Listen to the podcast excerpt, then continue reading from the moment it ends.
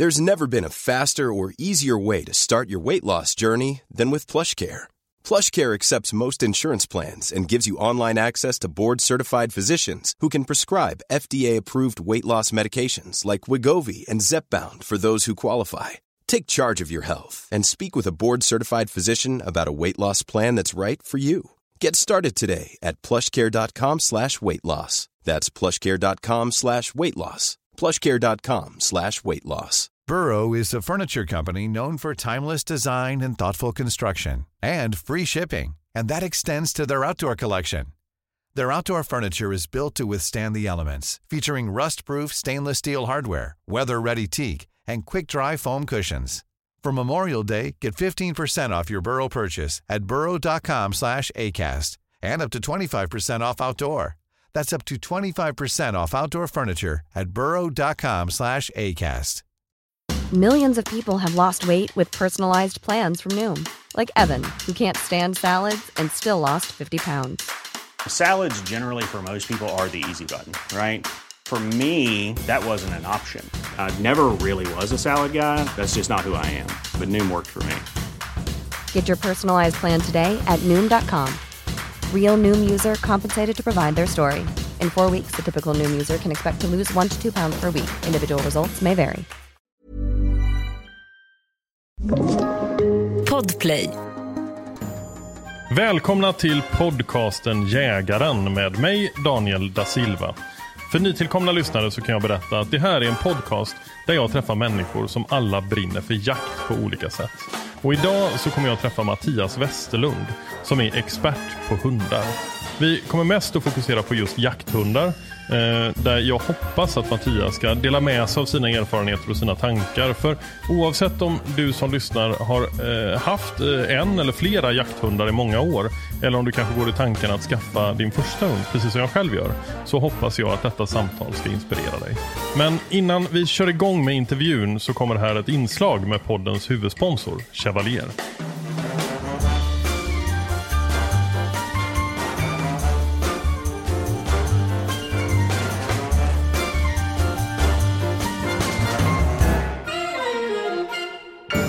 Då ska jag snacka lite grann med Ida här igen som är produktchef på Chevalier. Hej Ida!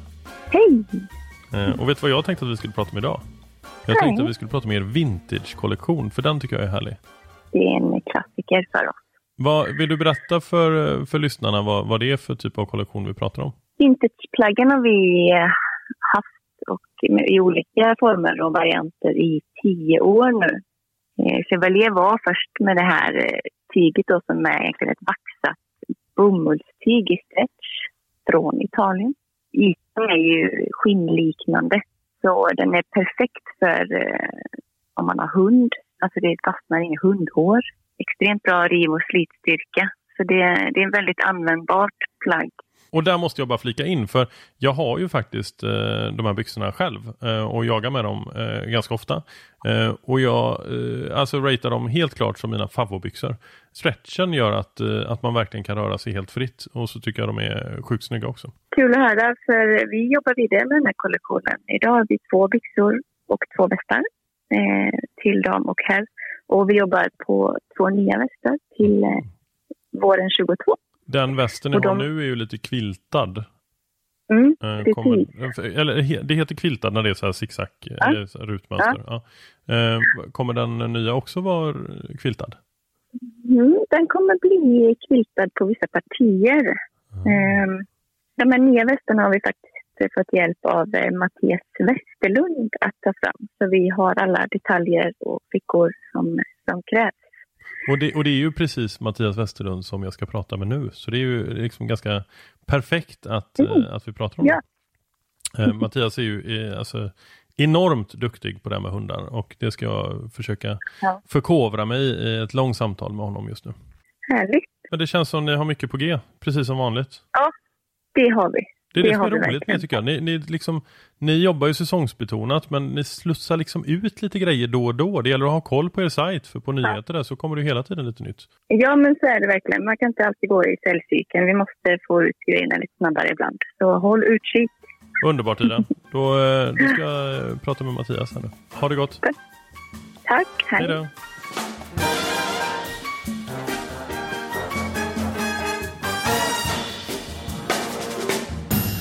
Mattias Westerlund är hunddressör och instruktör med ett förflutet vid Hundskolan i Sollefteå. Han äger och driver nu Hundskolan Vision, skapar hundträningsfilmer och har lång erfarenhet av att arbeta med både förare och hundar för jakt såklart, men även arbetat mycket med bland annat minhundar, narkotikahundar och polishundar. Mattias reser princip över hela världen i sitt jobb, så jag är superglad att vi fick ihop den här intervjun. Eh, och just nu befinner vi oss faktiskt i Göteborg. Välkommen hit Mattias. Tackar, tackar. Hur mår du? Mycket bra. Trevligt att vara här. Göteborg visar sig också sin, från sin bästa sida. Solsken. Göteborg visar sig alltid från sin bästa sida. Det gäller bara att leta på rätt sätt. Liksom. Vi, vi kommer att prata om eh, massa saker idag. Du har ju en, eh, ett helt otroligt CV där du har varit över hela världen och framförallt då jobbat med hundar. Och jag skulle gärna vilja fokusera på hundar och fokusera på framförallt jakthundar. Hur, hur började allting för dig då? Hur kom jakten och hundarna in i ditt liv?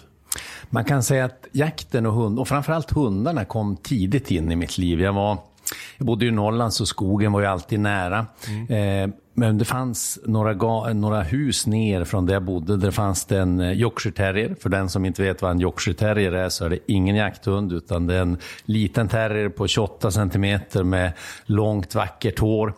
Den här börjar ju nu trippa ut med mig i skogen här där jag tittar efter mårdspår och till slut så var ju den där prisvinnande pälsen bara en sak att göra. De som ägde den fick klippa bort den för de tog halva skogen med sig. Så att det var så det började med, med hundar. Och sen kom jag...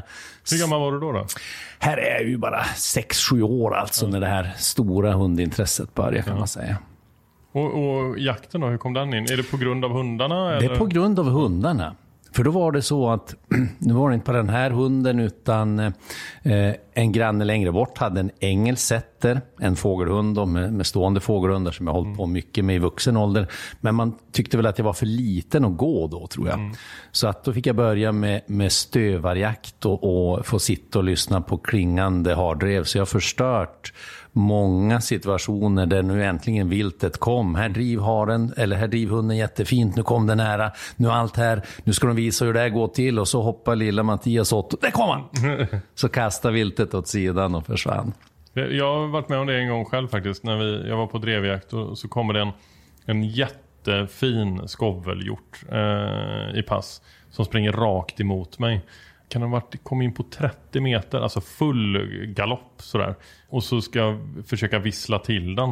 Eh, men alltså, dels var jag så torr i munnen och nervös. Så istället för en vissling så blir det något form av... Kommer det ett sånt skrik i munnen.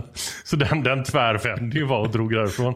Och så passgrannen efter. Han bara, vad fan det såg ut som den sprang rakt mot ditt pass. Ja, alltså det, jag, jag råkade skrika på den så den drog. Ja okej, okay, kanon. Så det läget lär jag inte få igen. Men, eh, men så kan det bli. Det, det är så vi lär oss. Du är uppväxt då i, eh, i alltså naturnära. Hur, hur viktigt är naturen för dig? Jag skulle vilja säga att naturen är egentligen fruktansvärt viktig. För många, det som är med naturen är också att man reflekterar mycket över livet tror jag. När man mm. tillbringar tid i naturen. Det spelar nog ingen roll kanske om du börjar som barn eller om du börjar senare. Det är liksom en annan... Jag tror det som jag framförallt har fastnat för är på något sätt att det är så tydligt. Det, det är kallt, det kan vara svettigt. Nästa sekund så är det strålande solsken. Det är spännande. Man måste röra på sig. Landskapet flyttas liksom hela tiden. Så naturen är otroligt viktigt för mig. Mm. Och du, du har ju eh, rest väldigt mycket. Eh, men du är, du är född i norra Sverige? Precis, jag brukar alltid säga det att jag, jag är liksom norrlänning. Jag är född där, sen har jag gått skolor då på, på andra delar av Sverige och så vidare. Så att, mm. men men jag, en, jag, känner mig alltid som norrlänning, oavsett egentligen var jag är någonstans. Ja. Och du, du, eh, du är fortfarande bosatt där? Jag har precis, jag har byggt upp eh, hundskolan och mitt, mitt liv från en utgångspunkt nu ännu högre upp. Så nu är jag riktigt mot fjällvärlden. Ja, vad häftigt. Eh, när, när eh, tog du jägarexamen? Jag tog jägarexamen som väldigt ung, som 12-13-åring. Och då ska man tänka sig att det där med att sitta inne var ju inte min grej egentligen. Så sitta och studera för jägarexamen, eh, där hade jag bra sådana som motiverade mig, men också att jag själv var motiverad. Mm. Så att som, som 13-åring, då hade jag tagit, det var jag och en klasskompis som läste på en sån där studiecirkel och det var ju vi och så var det bara äldre personer då, men det var väldigt intressant. Då, men du, du, kunde inte få eh, någon vapenlicens direkt då? Nej, och jag är ju ändå en av de som fick vapenlicens otroligt tidigt. Mm. Jag tror vi kanske kom in på det sen, men jag fick ju redan som 16-17-åring. Men det men när jag kom in sen på den här specialutbildningen. Så. Ja, ja för, men vi kan prata om det nu. För, för om jag förstår rätt så gick du en special gymnasieutbildning med, med inriktning på jakt och viltvård. Eh, och det var väl en av de absolut första i Sverige?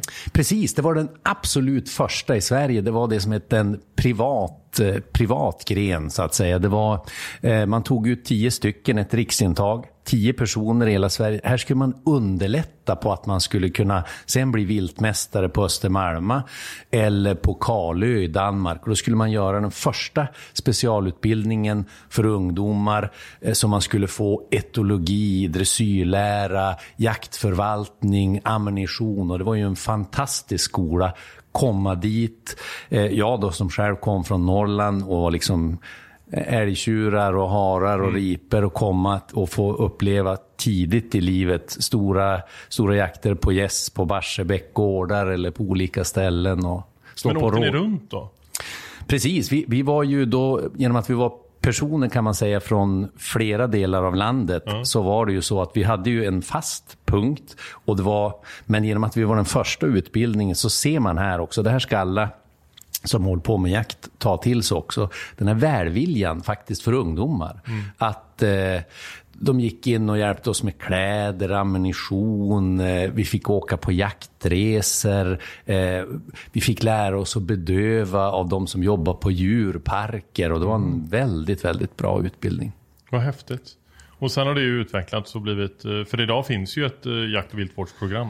Precis, och det var det, det här var liksom, vad kan man säga, projektet det första och sen nu finns det ju nästan på både i Skåne och i Norrland så att säga hela landet. Så att absolut. Vad häftigt.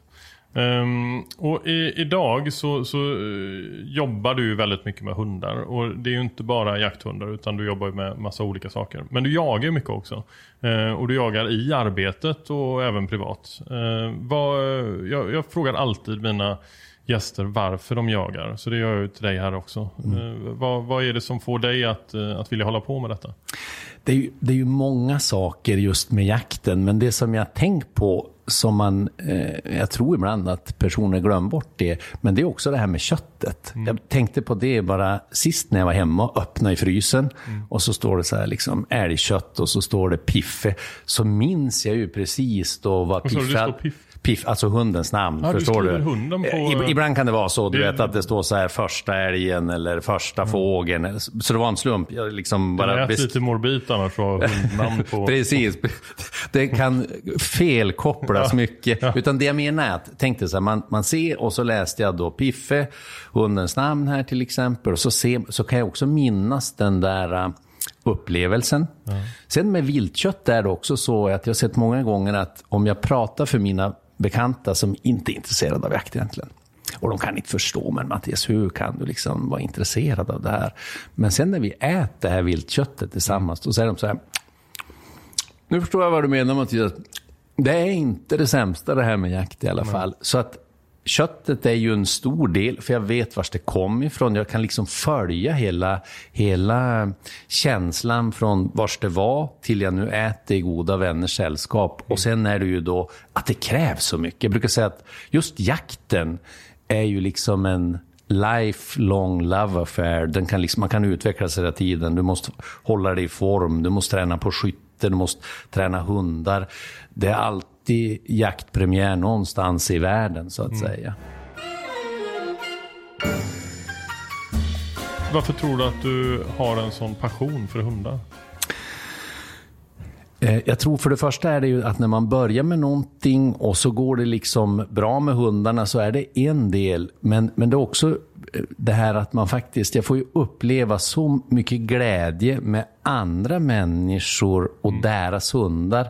Det är väl det som är egentligen det stora för mig. Att se andra människor, många gånger glädje, första fällda viltet, eller att de skickar ett mejl, eller jag får se, wow, nu, satt, nu gjorde hunden där. Men också ibland förtvivlan. Hur lång tid ska det här ta? Eh, ska, eh, jag ger upp. Och då säger nej, nej, jag ger inte upp. Det vi liksom fort, du kommer att lösa det här. Så att jag tror att det, det är det som gör hunderiet, tycker jag, så trevligt. Jag får liksom dela andras glädje. Men sen också att hunden kan bli en så stor del av jakten. Min kunskap kring, kring eh, hundar och jakthundar är ju väldigt, väldigt låg. Eh, och det är därför jag tycker det här samtalet ska bli så intressant. Eh, och jag kommer säkert ställa massa dumma frågor. Eh, eller säga fel ibland. Men det är väl bra. Det är ju Jättebra. lite det den här podden Det går ut på. perfekt. Jag, jag tar liksom på mig den här dumhatten. För det är väldigt många som inte vågar ställa frågor. Och lyssnar man på den här podden så får man svar på, på det mesta, hoppas jag. Innan vi går in på eh, jakthundar som, som vi ska prata väldigt mycket om så, så måste jag ändå fråga, för du, du har alltså arbetat och har en gedigen kunskap om så här, minhundar och ledhundar, rehabhundar och så vidare. Vad, vad, vad är det mest utmanande med den typen av arbeten? Man kan säga att de där som vi räknar upp där, om man tittar på vad polisens hundar ska göra eller en, en rebhund, så är det ju först de som äger hundarna eh, har ju helt olika förutsättningar och ska göra olika saker. Som, som för mig som för dressör, man kan ju säga att det är väl det som är att jag har ju hela mitt liv träna hundar åt andra personer. Det är inte jag som äger den, utan jag ska träna hunden för en uppgift eh, och sen ska hunden utföra det med någon annan. Och där är också det här tankesättet att jag måste lära hunden beteende. Det kan inte vara kopplat till hundskolan version eller Mattias, utan det är liksom en, en tanke att hunden gör det här för att tjäna på honom. Och sen är det då den som ha hunden sen, oavsett om vi ska söka miner i Afrika eller om det är en polishund eller en som ska hjälpa en handikappad människa till exempel. Så om man, om man är rullstolsbunden till exempel, att när telefon ringer att de ska springa och hämta den där till exempel, så blir det, då blir det, det att det är så olika människor som ska ha de här och man måste sätta sig in och ta del också av deras vardag och det är ju väldigt intressant. Men om vi tar min hund som, som ett exempel här nu då. Hur, hur går ett sånt arbete till? Man kan säga så här att minröjning med hund har varit eh, väldigt framgångsrikt. Hur, hur görs det annars? Om vi håller oss till vissa delar av Afrika eh, så är det så att det finns det något som heter manuell pikare där man liksom pikar sig fram med, eh, om ni tänker på en film så ser man alltid att de stoppar ner en kniv, riktigt så är det väl inte utan man stoppar ner en speciell minpik och sök där. Och då kommer man inte så långt per dag kan man säga. För det, hundarna har man kunnat ta in på ställen också där man inte kan köra in med stora maskiner som väg eh, f- massor med ton. Så hundarna har varit kunna, att man har kunnat klarera områden, alltså man har tagit bort miner och så kan man bygga upp ett samhälle där igen. Man kan börja gröda så att folk kan flytta tillbaka till de här områdena. Eh, eh oftast är det ju då många personer de ska hämta ved och sånt där och att man har faktiskt fått bort de här minerna. Så det är en, eh, just minhundarna vill jag säga är en av de absolut svåraste sakerna man kan träna en hund till. För de ska gå så otroligt sakta och söka. ska nästan låta som en kuttersponsbåt som tuffar fram. Tänk dig, den får inte titta när det flyger iväg ett djur upp, utan bara hålla det här. När den liksom känner doften av sprängmedel, då ska det liksom sätta sig rakt.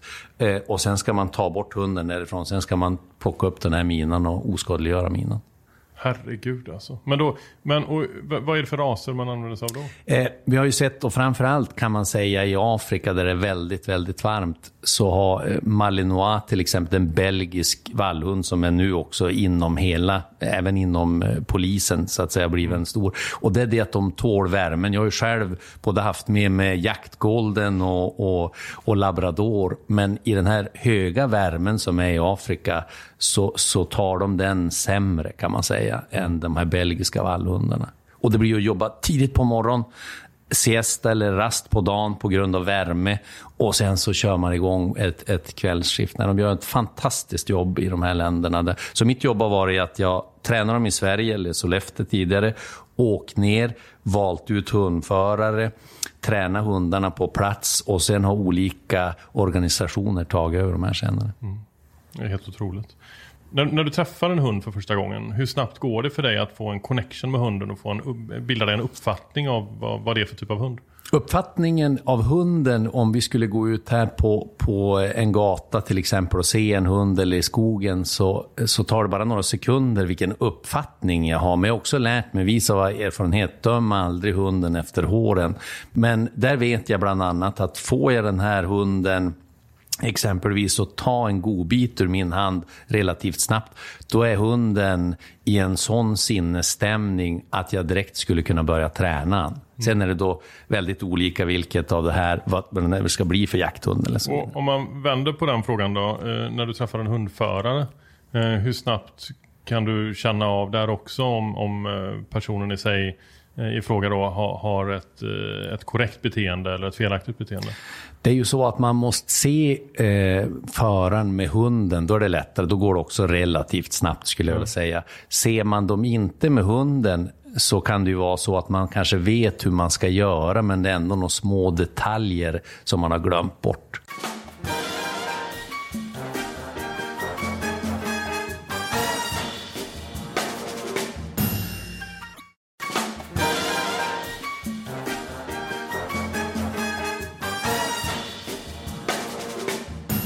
Det finns ju säkert eh, många eh, som lyssnar nu som har eh, en eller flera jakthundar.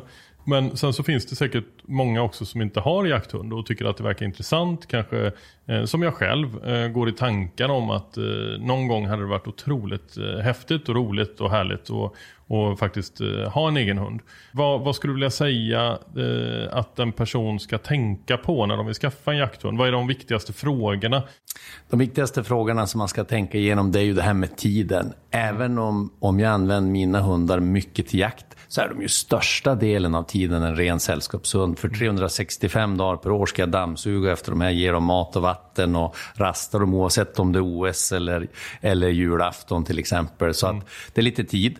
Sen ska man också, eh, tycker jag, tänka sig, är det här min basjakt? Bor jag här och det här är en jakt som jag lätt kan komma åt, då kan det ju vara bra kanske nyttja en hundtyp som man kan få nyttja just på den jaktformen. Mm. Men sen vet jag också att det finns ju de som väljer en hundtyp. De tycker den här hunden är så vacker, men de jagar ripa två gånger per år. Eh, men då kan de ju träna hunden resten av säsongen. Så man ska välja med hjärtat också.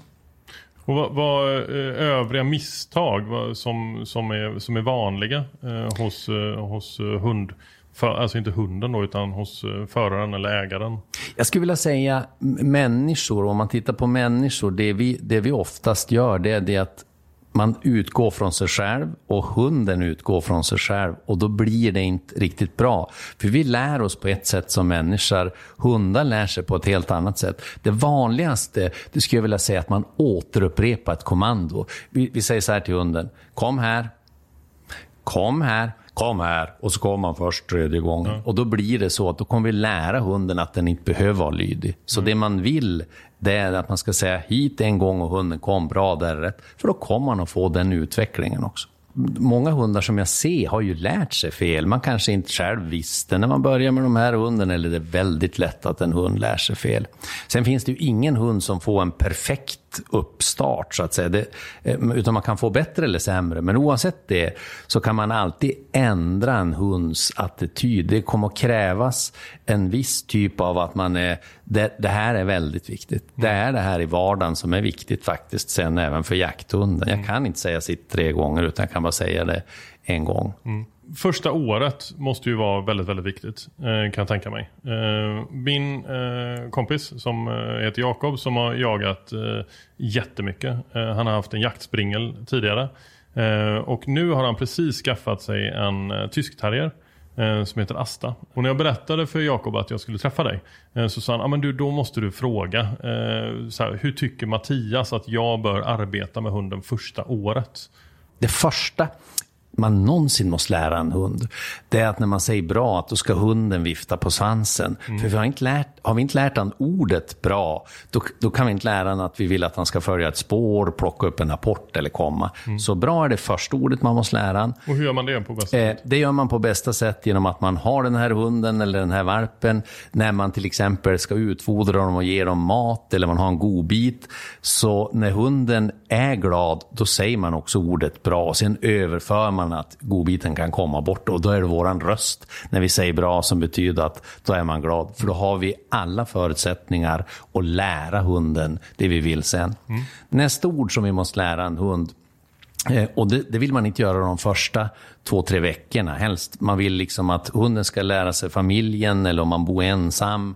Eh, man visar inte upp den för alla grannar och allting utan man har den ganska lugnt till att börja med så de får känna sig trygg. Eh, sen måste man också lära ordet nej. När jag säger nej, då får hunden, måste den sluta upp med det den ska hålla på med. Mm.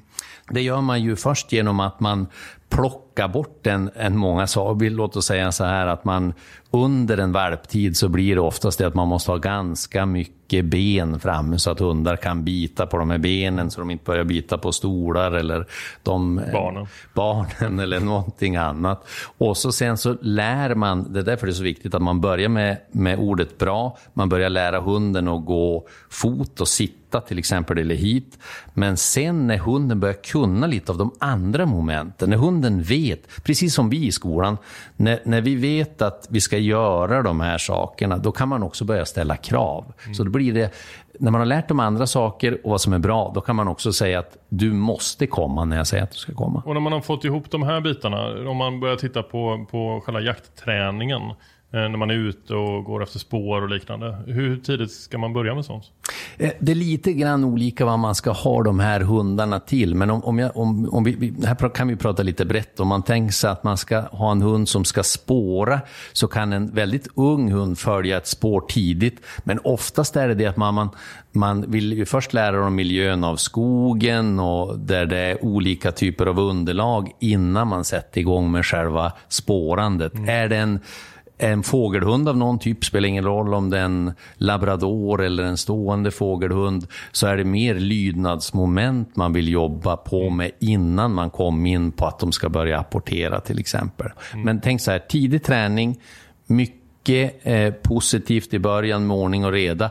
Skottet är ju väldigt, väldigt viktigt, att mm. man lär dem att kunna hantera Eh, ljud. Det kan vara ljud av en Harley Davidson, en Hilti borr Eh, och sen ska det överföras på, på ett skott ur ett gevär. Och här ska man inte börja för tidigt, för hundar kommer komma in i något som heter spökålder. Så du ska säga till din kompis här med, med den tyska jaktterriern att om hunden går bra, han träffar dig, familjen, syrran och helt plötsligt i sju, åtta månaders ålder så blir han livrädd för en soptunna eller grannen.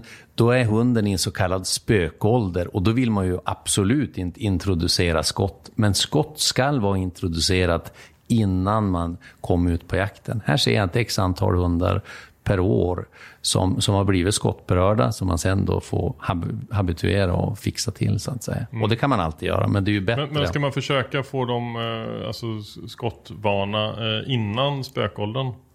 Jag brukar lägga, beroende på när jag ska börja med hund, jag brukar införa skott på långt håll. Tänkte att eh, 150 meter så det är precis att de knappt hör någonting. Kanske när de är i fem månadersåldern. Eh, och så sen väntar jag ett tag. Men sen efter spökåldern, de flesta hundar kommer ju inte att jagas mer för tidigt. Men låt oss säga så här, ska du ha en hund på jakt när den är tio månader, då måste du ha skotttränaren innan det. Ska du ha en, en jakthund och börja jaga med en är ett och ett halvt år, då måste man skotträna innan dess. Eh, och sen så när du börjar spårträna då, hur, eh, hur gammal brukar en hund vara då?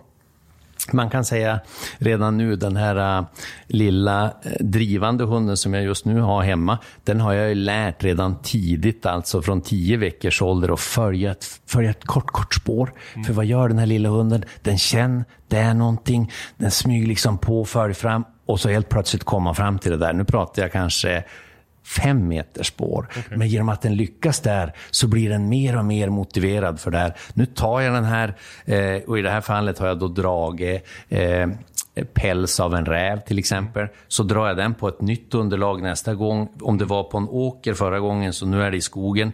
Nu är det lite, lite längre spåret. Nu följer han det här, följer det här och så kommer han liksom fram till det här, till vinsten. Mm. Sen en sån här hund vill jag också lära.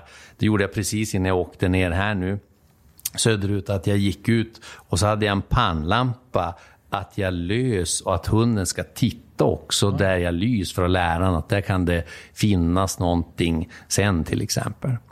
Om det hade varit den stående fågelhunden, då hade jag velat börja på samma sätt väldigt tidigt uppmana till att plocka in dummies som sen blir fåglar till exempel. Mm. Visionsriper som ska illustrera när det flyger upp fåglar och faller ner fåglar. Men stående fågelhundar, har de, är det en instinkt för dem när de kommer väldigt nära en fågel att de, att de ställer sig? Eller, eh, eller får man verkligen träna in det? Man kan säga att själva ståndet i sig själv ska de ha, men det här kan påverkas positivt eller negativt. Det enda oftast de här hundarna har det är att de står självmant. När det väl flyger upp så säger alltid hunden så här, jag ska ta det, jag ska ta det, jag ska ta det, jag ska springa efter. Så det är vi som måste träna dem så att de verkligen blir kvar på platsen. Har vi gjort vårt jobb rätt där, då kommer vi snabbt få en hund att stå. Har vi inte vet om att man måste lägga tid på det här, eller, eh, då kommer det att ta längre tid innan en hund står. Så ja, alla hundar har eh, av de stående fågelhundarna ståndinstinkter, men det kan på, eh, påverkas positivt eller negativt. Jag själv har jagat eh, ganska mycket med eh, en jämthund eh, som eh, vi inte har inkallning på vilket ju är ett jätteproblem. Va, hur, hur tränar man inkallning på en hund? Det första man måste göra det är ju det att man lyfter ut själva inkallningen från själva jakten först och mm. främst. När jag och du väl har släppt den här hunden som är äldre och redan vill jaga och är tänd på att jaga, då kommer vi inte att kunna styra den under jakten. Så det jag och du och ägaren måste göra, det är att vi måste ta tillbaka hunden. Eh, jag tar ett exempel. Är det nu den här älghunden som springer omkring så ska den kunna lukta in väldigt intressant doft där bort borta och vi ska kunna blåsa i pipan eller säga hit eller trycka på den här GPSen och det pip och hunden ska komma tillbaka. Gör den inte det, eller att låt oss säga att hunden springer fram till dig tio gånger. Vi är på landet nu, hunden springer fram och du säger hej, hej varje gång du kommer tillbaka. Den elfte gången, om det ska vara rimligt att tro att man ska kunna kalla in en hund, då ska hunden kunna springa och när den är 30 centimeter från det. Då ska, då ska man kunna blåsa i den här pipan och då ska hunden bryta och komma tillbaka. För att kunna bryta det på jakten så tränar vi först utanför, jakten. Och sen flyttar vi oss i jakten och då kan man tänka så här att många gånger om man ska bryta en hund så vill man göra det när man är ganska nära en hund. Och här skulle jag också nyttja det. Här vet jag att jag kan kalla in hunden på 100 meter. Ja, då provar jag inte när jag är på 300 meter. Mm. Utan då går jag in på 100 meter och gör det. Eh, många hundar har lättare att bli brytna om de står själv ståndskall än när ett vilt går undan så att mm. säga. Är det en drivande hund och jag ser att det är på väg, eller hör att det är på väg ut till mig, så brukar jag säga till mina kunder också att vi försöker ställa oss i det där grindhålet, för där kom ju hunden, så kan man lättare påverka. Mm. Men en väl fungerande jakthund, då får vi också en mycket, mycket fin, trevlig sällskapshund, för den kommer att vara lydig. Den kommer inte vara så otroligt svår att ha att göra med. Och vad gäller inkallning då så finns det olika metoder för att kalla in hunden. Eh, vad, vad föredrar du? Jag har ju alla, alla typer som jag, om jag säger HIT, ett ord, ett specifikt ord. Eh, om jag visslar en pipa så vill jag att den ska komma.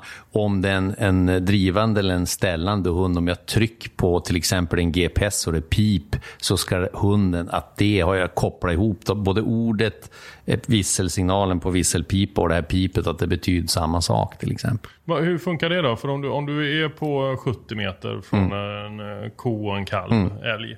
Eh, och du har en, en uh, jämthund mm. som står och skäller där. Mm. du vill ju inte röja dig själv för älgarna heller. Nej. Där vill jag säga, om jag framförallt Norrland, de älgarna är ju inte vana att se människor, de hör inga sommarstugor, bilar och så vidare. Så där är en visselsignal.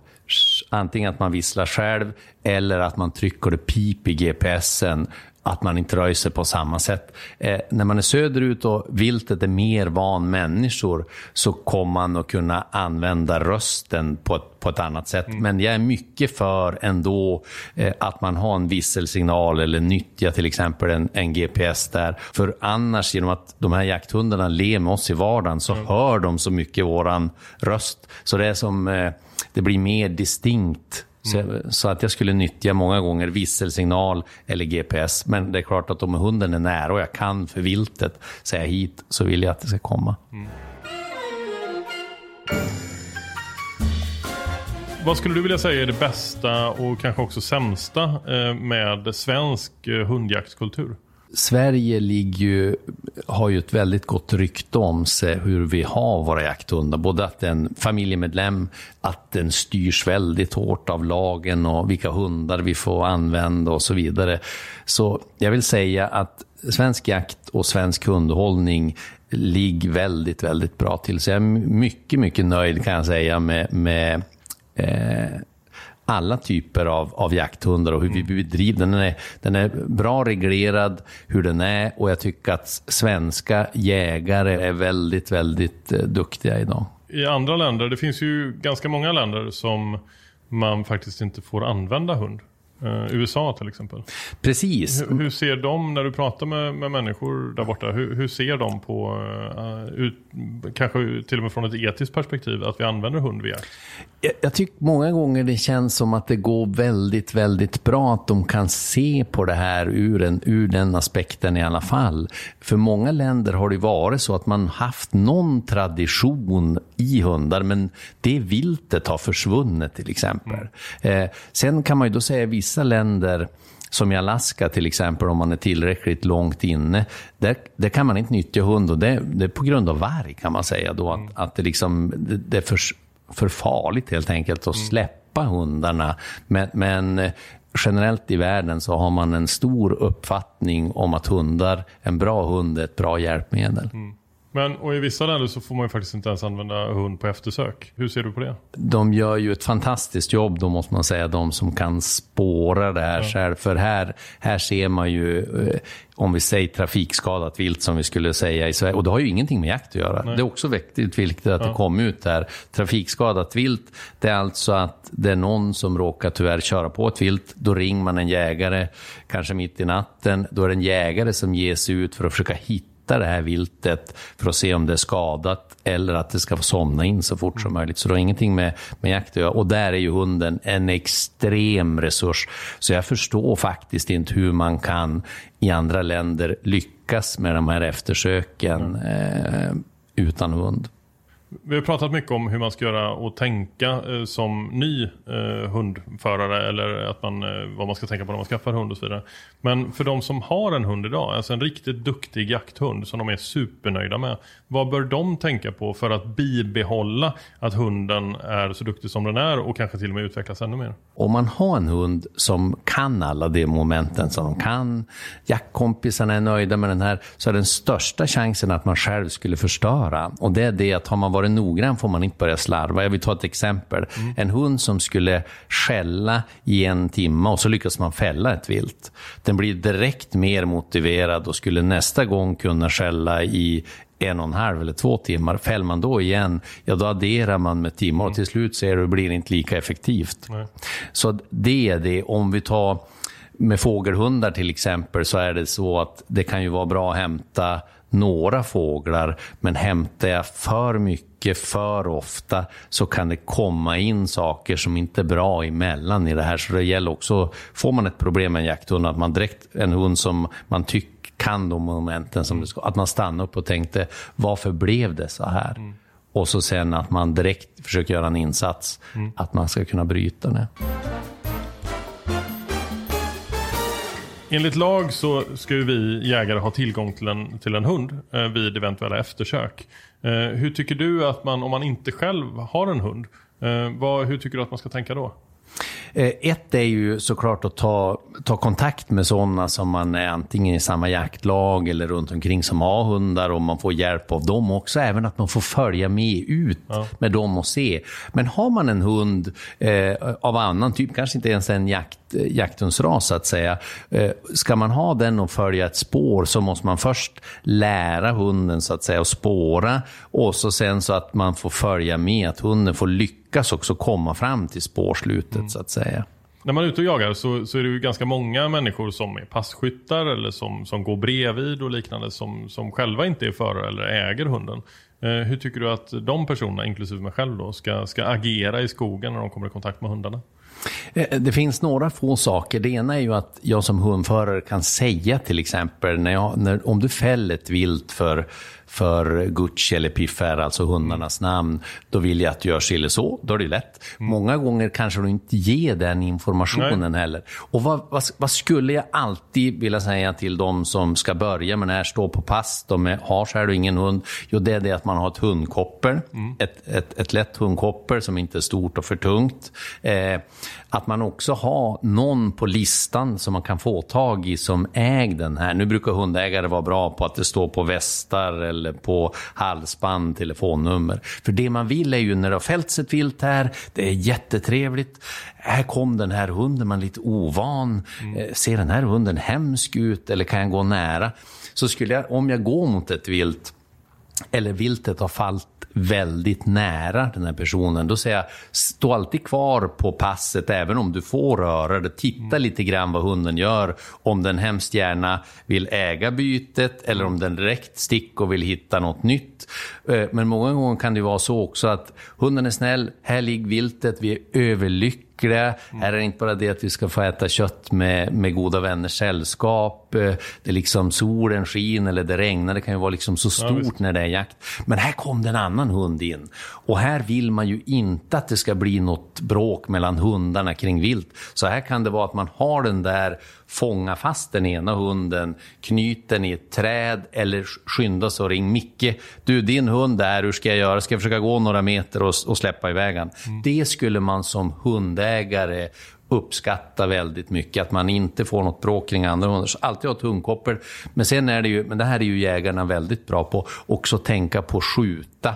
Alltså säkerhet alltid först, det gör jägarna vill jag säga. Men tänk också på att det kan vara bra och skjuta med ljuddämpare till exempel. Bara en ja. sån sak. Det kommer att göra mycket för hundarna. Och om man då, jag har själv varit med om det när jag har fällt eh, ett vilt och eh, det kom två hundar.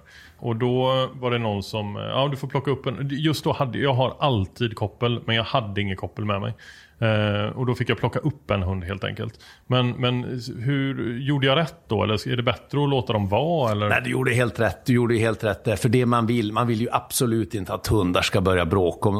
Men, men här är det ju inte helt enkelt heller att lyfta en hund. Jag tror att det var det att du bara dök in och gjorde situationen ja. så att säga, som gjorde att det gick bra den här gången. Här skulle det kunna gå, här finns det ju risker både att lyfta en hund som börjar eh, äga ett vilt både ja. mot dig och en annan. Så här gick det bra. Så tänk så här, det man ska försöka göra, det är därför vi försöker också att man har ett ett, ett koppel i fickan mm. eller att man kan uppmana någon eller att det finns någon på listan man kan ringa snabbt om de här hundarna eh, kom för nära viltet och de är flera stycken. Mm.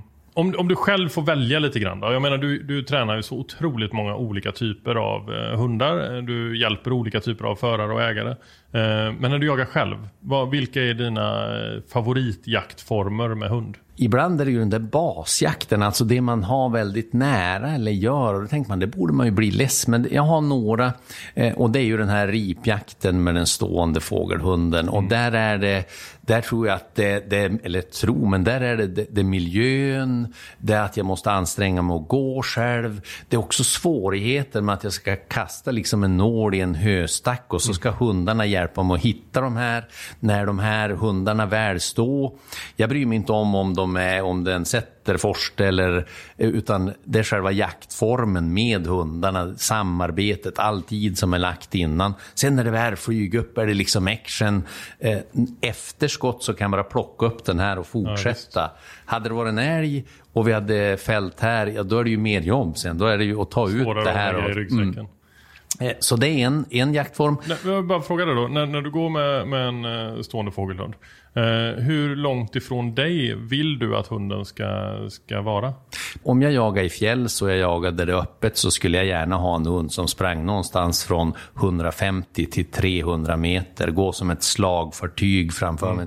En segelbåt. eh, Läs vinden, följ upp minsta doft och sen bang, kasta runt varenda muskel, stå i ett stånd. Jag går upp här, antingen med helt nya jägare eller vi är bara några som vi känner.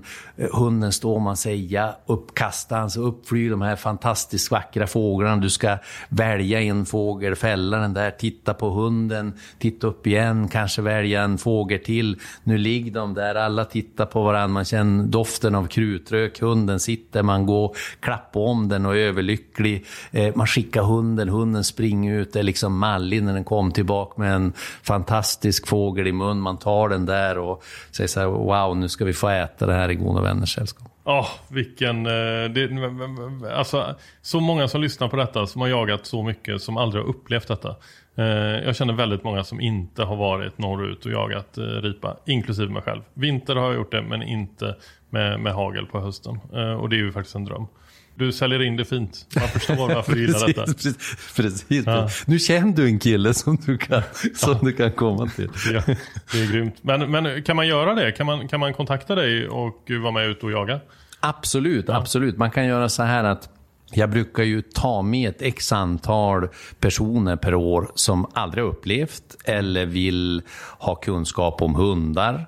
Eller att de har en hund och så vill de ha mina hundar som backup-hundar på något sätt. Och här, här är det allt från de som har jagat mycket annat till de vill uppleva det här eller de vill uppleva det med sin hund eller se skillnader i hundar. Så att, Gud vad häftigt. Hur, eh, hur ofta lär du dig saker av eh, nya hundar? Jag lär mig egentligen hela tiden med hundar. Det är väl det som är så intressant eh, just med hundarna, att man kan hela tiden utvecklas.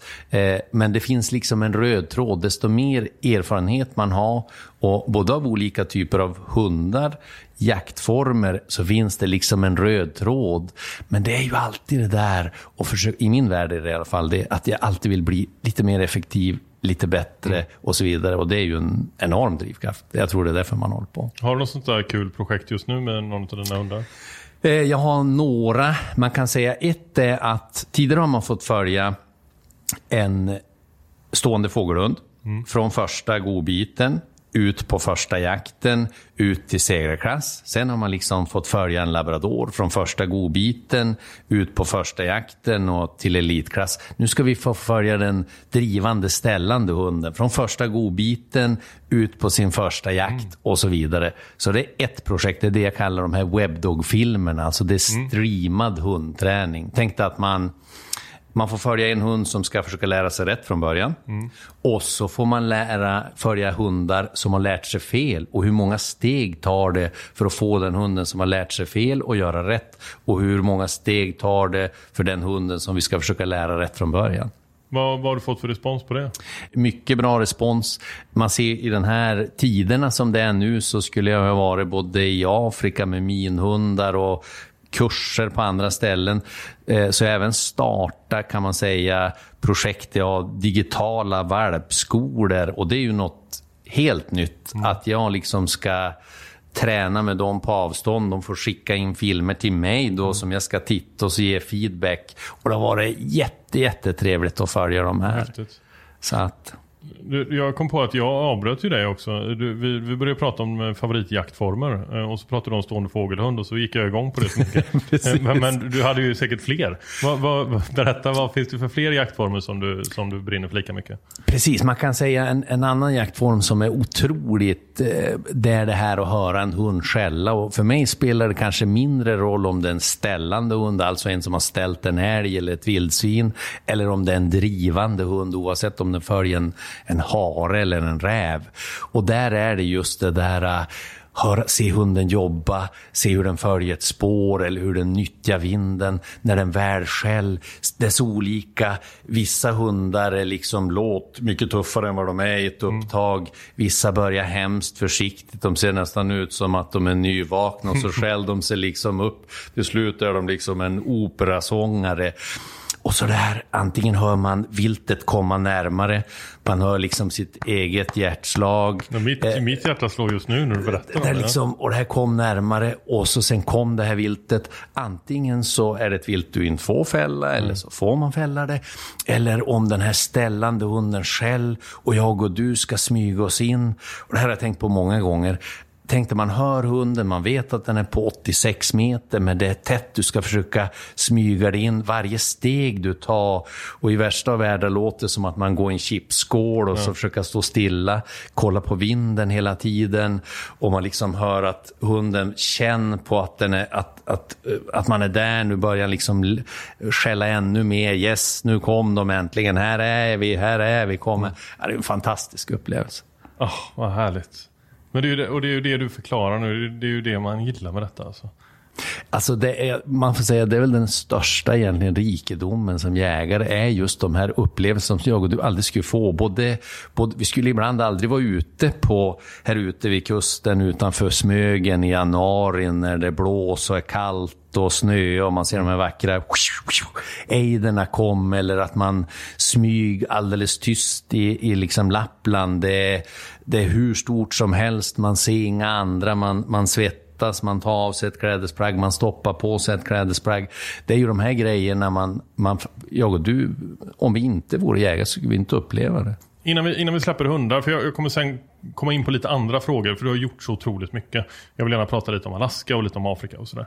Men eh, grythundar eh, har jag själv noll erfarenhet av. Eh, jag, jag har förstått att det finns typ två olika typer av grytjaktshundar. Man kan säga att det finns något som heter eh, en sprängare och det är alltså en hundtyp som, ska, eh, som man nyttjar då till exempel på räv som ska gå ner. Eh, här ligger den här räven i grytet.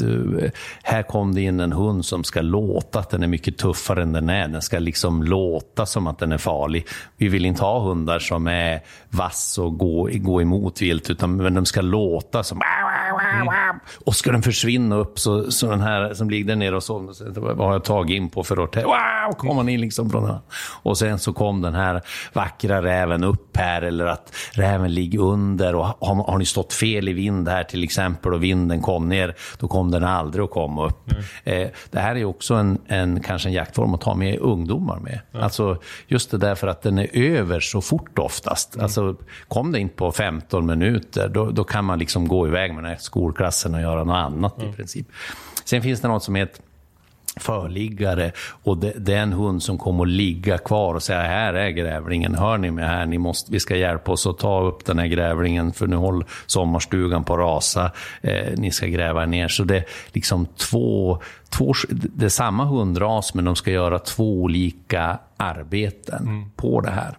Hur, hur, farligt är arbetet för hunden som grythund? Man kan säga att, att jägarna är ju så otroligt rädda om de här hundarna, för man lägger ju ändå tid på dem. Så att många skulle till och med säga så här att jag släpper inte in min hund i det här grytet därför att jag tror att det är för farligt. Mm. Så man, man, gör inte det. Och det man inte vill ha, det är ju det att hunden ska bli skadad av vilt som av vilket annat som helst. Och, och här har man också nu faktiskt helt nyligen vi har gjort en, när man tränar de här hundarna, har vi gjort en, en fejkad grävling, tänkte som liksom låt på ett speciellt sätt och man, den ska liksom agera, så kan man träna hundarna på inkallning som har varit en av de mm. svåra momenten tidigare till exempel.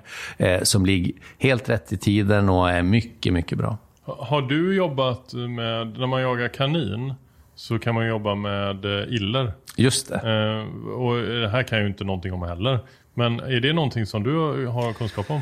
Inte kanske just om träningen av iller. Jag har själv fått uppleva det här både i Skåne och på Gotland. Jag tycker ju den jaktformen... Jag hade faktiskt en kompis, eh, det här är någon gång på, på 90-talet, eh, som hade en, en iller som inte åt kött. Den var alltså vegetarian, Iris om jag minns rätt. Men den hade vi några riktigt, riktigt trevliga dagar med på Gotland där man släpper ner den här ur buren. Den är, ja, i princip. okay. Så att, Tränar man dem eller är det bara ren instinkt? Eh, det är ju instinkt, men sen är det ju det där också som med allting annat. Man presenterar rätt eh, i rätt hur de ska gå in i ett gryt, men också det här att man faktiskt kan försöka kalla in dem. Titta de här som har bäst ja. illrar, vilket samspel de har med de här. Ja.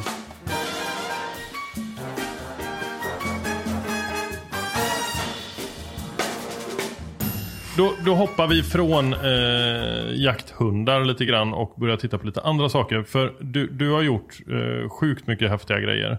Eh, jag vet bland annat att du har arbetat i Afrika i ett helt år eh, med jaktsafari och guidning.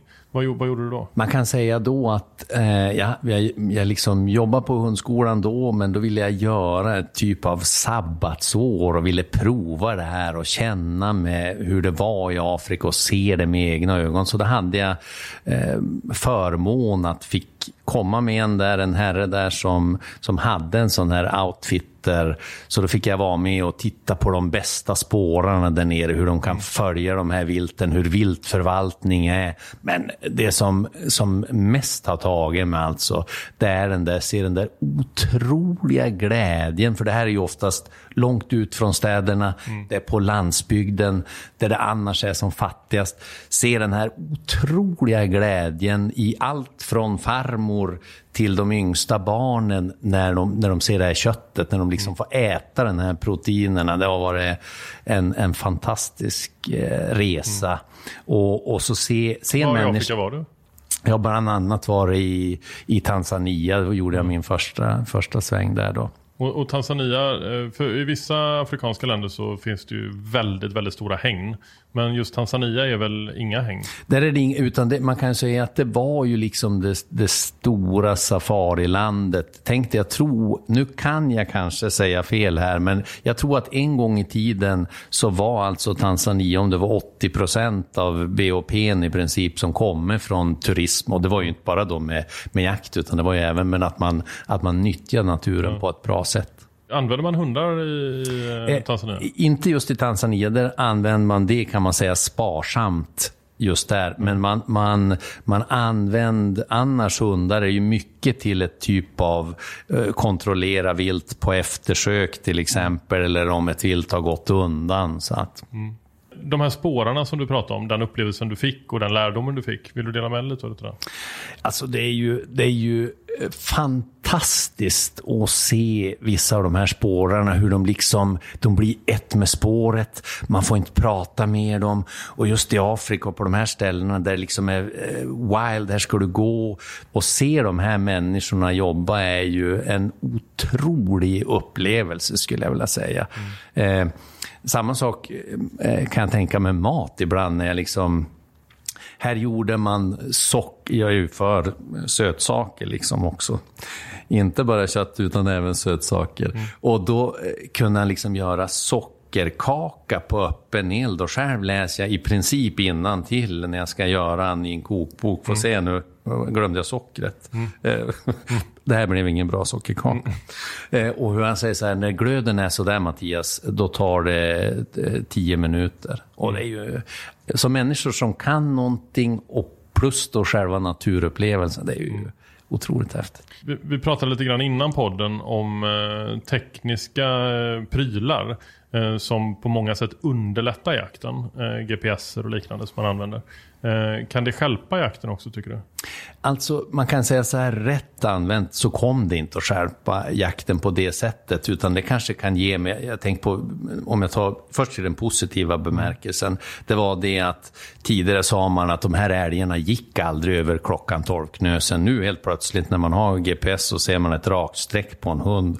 Och säger man så här, varför skulle han helt plötsligt hitta på att gå över klockan 12 knösen? Jo, det är ju därför att vilt har gått där tidigare. Visste man aldrig det Sen är det ju säkerhetsfaktorer säkerhetsfaktorerna som jag gillar med mm. hur långt man kan, man kan stoppa dem om de kommer ut mot en väg eller en is. Men sen är det så att många blir ju väldigt intresserade i själva tekniken. Mm. Och klart, tittar man för mycket på det här så eh, ibland är jag liksom ute och säger så här, titta upp nu, ja men eh, den är nära. Och så om man då tittar på de här, att man kanske inte ser saker som händer runt mm. omkring, då tar det bort en del av upplevelsen. Mm. Men sen tror jag också den moderna människan, eh, man ska de dagar som man har i naturen eller vad man gör, att man också stannar upp och faktiskt njut lite grann utan teknik. Mm. Hur känns det att vara blöt? Hur känns det att vara kall? Vad är en, en soluppgång?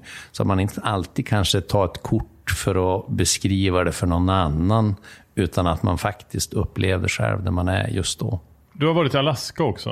Eh, också i ett år. Och eh, det är ju en dröm för många eh, utifrån både biotopen men, men också den typen av vilt som finns där. Och, och verkligen, det är ju vildmark om jag fattar det rätt. Va, hur, hur var det? Vad gjorde du i Alaska? I Alaska var, så var jag först med, med, med på en sån här jaktkamp. Hur man liksom hade det. Det kom in gäster. Sen var jag också kvar med en trapper. Eh, Trapper of the year det året var... Jag vet inte vad en trapper är. Eh, trapper, det är alltså en som, som livnär sig på det som, eh, som finns i skog och mark. Det är bär, det är jakt, det är fiske, men också att man säljer pälsar av de här djuren. Så Okay. Och då, och då kan man säga att det jag, det jag gjorde var att jag först var med en, en, eh, på en jaktkamp, där det då kom in eh, personer, eh, från, mycket från USA, då Lower 48 som man pratade om. En del hade drömt hela sitt liv om en grizzlybjörn, den andra om en stor, jättestor älg, den tredje om det fantastiska, vackra liksom snöfåret som går omkring. Och alla upplevelser här med, det är precis som du säger, även om jag är van norra Sverige och en enorma stora avstånd. Så jag var på ett ställe som, eh, som heter Brook Range som är liksom oändlig vildmark där. Och bara det är ju en upplevelse i sig. Men sen hade jag möjligheten att jag fick stanna med då en sån här trapper eh, och vara med han resten av säsongen. Och det här lära sig hur man... Men, men då bodde han i vildmarken och det enda han liv, livnärde sig på det Precis. var naturen helt Ja. enkelt? Okej, ja. Han, han livnärde sig på att eh, plocka svamp, fiska, jaga, äta plus sälja en del av de här skinnen sen på marknader. Bodde du hemma hos den här trappen eller? Jag var hos tre olika personer kan man säga. Eh, så jag fick uppleva tre olika tillfällen. Det året åkte jag också på någonting eh, där man skulle säga vem var, vem var mest framgångsrik det här året. Och det här året var det en som hette Haimo. Och, eh, det är också en, en familj som man har fått följt sen på tv som heter We are the last Alaskans. Alltså de, de bor, deras barn får bo i de här stugorna de har byggt upp i vildmarken. Och på hundra år, då kommer det inte att finnas några spår att det har funnits människor där. Så när deras sista barn dör, då går de här eh, eh, kan man säga stugförhållandena ut att de får ha de här stugorna här. Och vem är det som eh, har bestämt detta? Eh, Man kan säga så här att det, väl, det var väl Alaska som bestämde att, om det, nu kan det vara lite fel, men jag tror att det var 1980, att man inte fick bygga sådana här homestead på de här ställena. Så de här är de sista som får bo på de här ställena tills deras sista barn, så att Vet du säga. var man kan se The Last Alaskans? Eh, Jag tror, att, jag tror att man kan se den på typ Discovery Channel. Coolt, det måste jag eh, söka Mm. efter. Eh, Men du, den här Hai- Haino, var det det? Haimo, ja. Mm. Har du då träffat? Jag träffade han, han blev ju då den mest framgångsrika det året. Den som jag sen var hos den största delen av tiden. En som heter Keith.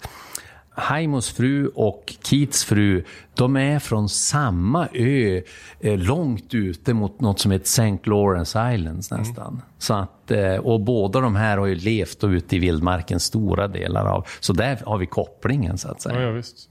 De här eh, trappersna då som, som verkligen lever i vildmarken Mm. och så. Använder de sig av några tekniska prylar?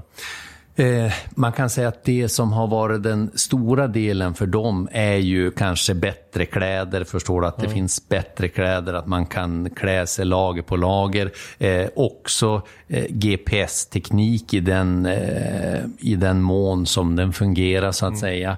Eh, sen här är det ju många som har hundar som sällskap. För man, här uppe nyttjar man dem ju inte som jakthundar så att säga. På det, Utan här har man dem som de skäll om det kommer en björn i närheten eller de följer med mig och den enda kanske följeslagaren som jag har pratat med.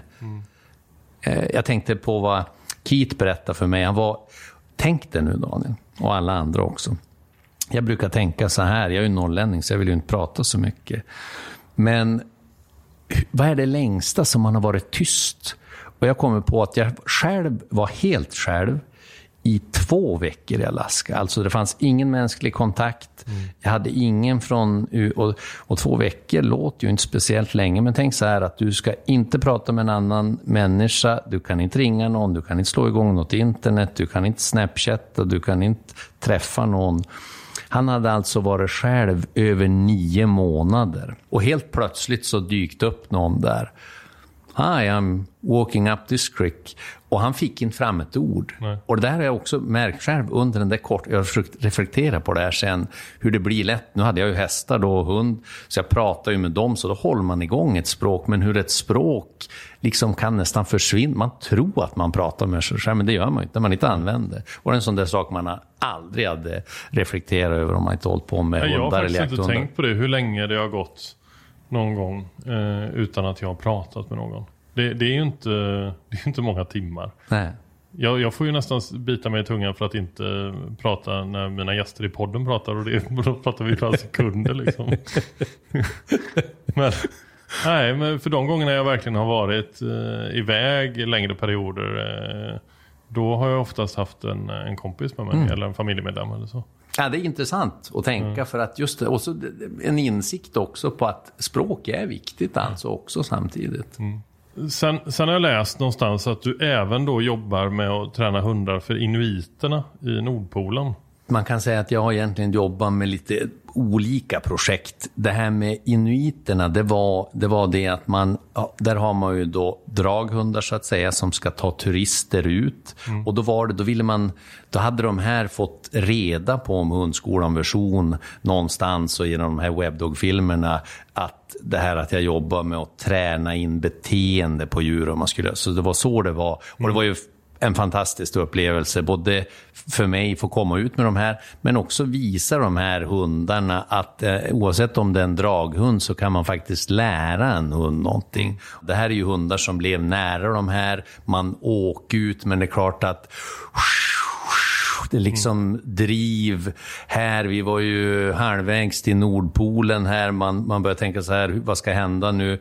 Jag har och jag menar ju, jag är liksom norrlänning, jag borde ju vara van att att frysa. Jag har aldrig i mitt liv fryst så mycket någonsin. Alltså kallt, vi blir övertagna av en snöstorm. Hundarna rullar ihop sig. Eh, han säger så här, det är tur, tur att jag är en eh, eh, Eskimo Carpenter, att han kunde göra. Så han gjorde en iglo och Var du rädd? Ja, absolut. Absolut. Och jag tänkte, även om... För då, alltid om man... Jag vill säga så här, alltid om man blir rädd så tänker man kanske på där man just är, men man tänker också på sådana här saker. Vad, vad borde jag ha sagt till min mamma eller och så vidare. Så att, eh, nu gick det ju bra den här gången. Vi... Och det kan man också säga, i den här, väl liggandes inne i den här iglon när det är 50 grader kallt utanför, det blåser stormar, det är liksom öppet hav. När man sen då liksom slog ut ytterdörren och så sen så tittar man upp och så ploppar det upp något huvud där utanför och en hund tittar upp. Alltså hundarna fick vara ute. Hundarna var ute och det är ju det här som är så häftigt med de här hundarna. De liksom klarar det här, de rullar ihop sig och här ser man ju också hur, hur, hur känslig man är som på människa på något sätt. Ja. Vad, vad, vad gjorde ni där då? Eh, Det vi gjorde här var ju att jag skulle utbilda de här eh, människorna på hur man kunde träna hundar, inte bara gå till höger och vänster, utan också hur man skulle få dem att stanna på ett sätt. Så jag var där först att vi gick igenom de här detaljerna, men när det var färdigt så var det tre personer som sa här så här, du ska få följa med oss ut och titta hur vi har det. var tanken att vi skulle titta efter sälar och hur de, hur de nu nyttjar det både i kläder och jagar Ja, och äter. Och så fastnar vi i det här ovädret. Herregud. Jag måste fråga det här med, med draghundar. Eh, jag kan ju ingenting om det, men jag har med barnen tittat på lite här Disney-filmer och så. Eh, och så, så det är min referens. Ja. Det är ju rätt tunn. Ja, men, men, eh, men då har jag fattat det som att de har olika roller, de olika hundarna. Att det verkligen finns en ledarhund och, och så vidare.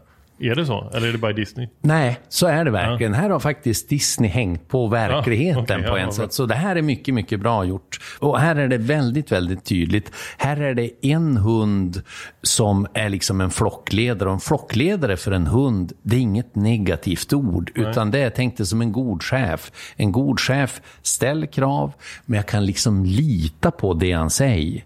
Eh, och här är det oftast att de här hundarna ska ta sig till höger eller till vänster. Och här ser man på draghundar så kommer du se olika formationer. Ute på havet till exempel, eh, bland inuiterna, där är det många gånger att hundarna dras som i solfjäder. Och det är ju därför det finns ingen skog. Är vi i Laskas vildmark, jag och du, då går de i ett spann därför att det är träd och grenar och annat.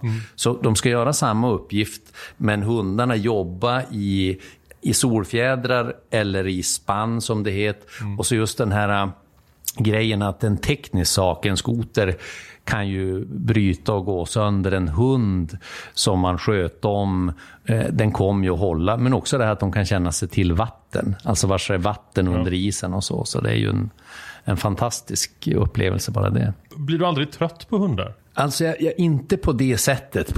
Och jag tror att det är just det här. Det är också det att jag får träffa så många människor som har de här hundarna. Så det är mötet både med hunden, men också med människan och i de mest skilda miljöerna.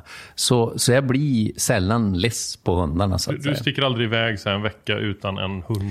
Eh, det gör det. Jag försöker. Men det som oftast händer är ju då att då stöter jag ihop med någon och så tittar de. Och så, hundarna söker och upp så, dig liksom. Precis. Så är det igång igen. Okej. Avslutningsvis, vad, vad står närmast på agendan för dig nu? Veckan och året fortsätter så här. Imorgon så är det jakthundar som står på schemat. Där är det hur man ska förbereda dem först i vardagen och sen hur vi ska förbereda dem för jakten. Det vi har varit inne och pratat om här, det viktiga. Både ha hunden i vardagen som sen ska bli jakthund. Sen så ska jag åka upp eh, till norra Sverige igen och där blir det fortsatt eh, både jakt med hundar och hundkurser där det kommer upp 12 olika personer, helt olika raser.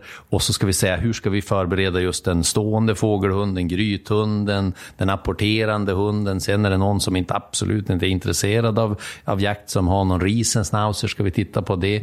Sen var det tänkt att jag skulle tillbaka till Afrika och de här äh, noshörningsprojekten med hundarna där. Eh, det tror jag tyvärr blir uppskjutet igen och det är ju det där eh, om man blir fast där. Hur man Berätta om noshörningsprojektet. Noshörningarna har ju förs- höll ju på att försvinna från Afrikas yta. Det man har gjort är att man har försökt fått upp både vit och svart noshörning som det heter. De är ju också lite i olika länder. Eh, här är det ju att hålla dem här vid liv, följa dem och, och det här har ju då eh, ingenting med jakt att göra. Man kan ju säga så här att det som heter, jag gillar egentligen inte ens ordet tjuvjakt för det är ju ing- ingen jakt, det är ju kriminell verksamhet. Vad, vad, är hundarnas roll i noshörningsprojektet? Hundarnas roll är i det här att följa efter dem och finnas i närheten av dem med personal, så att säga med personer, men också kunna snabbt ta upp ett spår. Finns det ett spår av en människa som inte hör hemma där, så ska den kunna ta sig an det här, oavsett om det är mitt i natten eller inte mitt i natten. Hitta de här personerna som är många gånger bra på att gömma sig, eller i värsta fall skjut mot dem som kommer efter. Ja. Vi, vi får hoppas att du kan dra iväg på de här projekten snart då.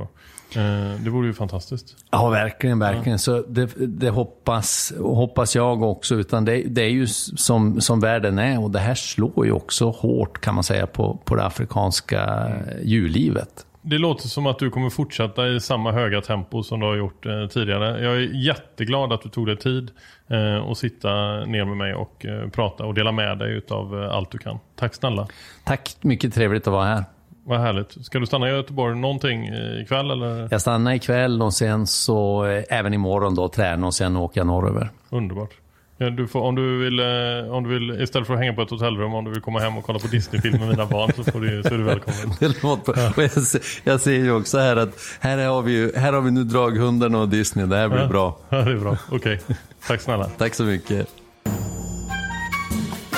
Och tack snälla alla ni som lyssnar. Och ett extra stort tack till er som sprider och delar podden. Det betyder sjukt mycket. Nästa vecka så är det faktiskt sista avsnittet för säsongen. Eh, och eh, då, eh, då kommer ni att få lyssna på Lubbe Garell. Det ska bli spännande. Vi hörs om en vecka. Hej!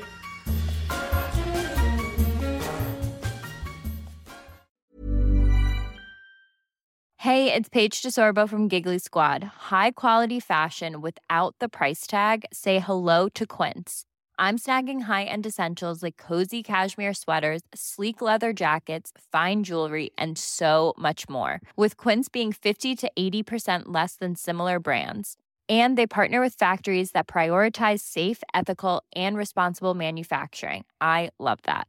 Luxury quality within reach. Go to quince.com slash style to get free shipping and 365 day returns on your next order. Quince.com slash style.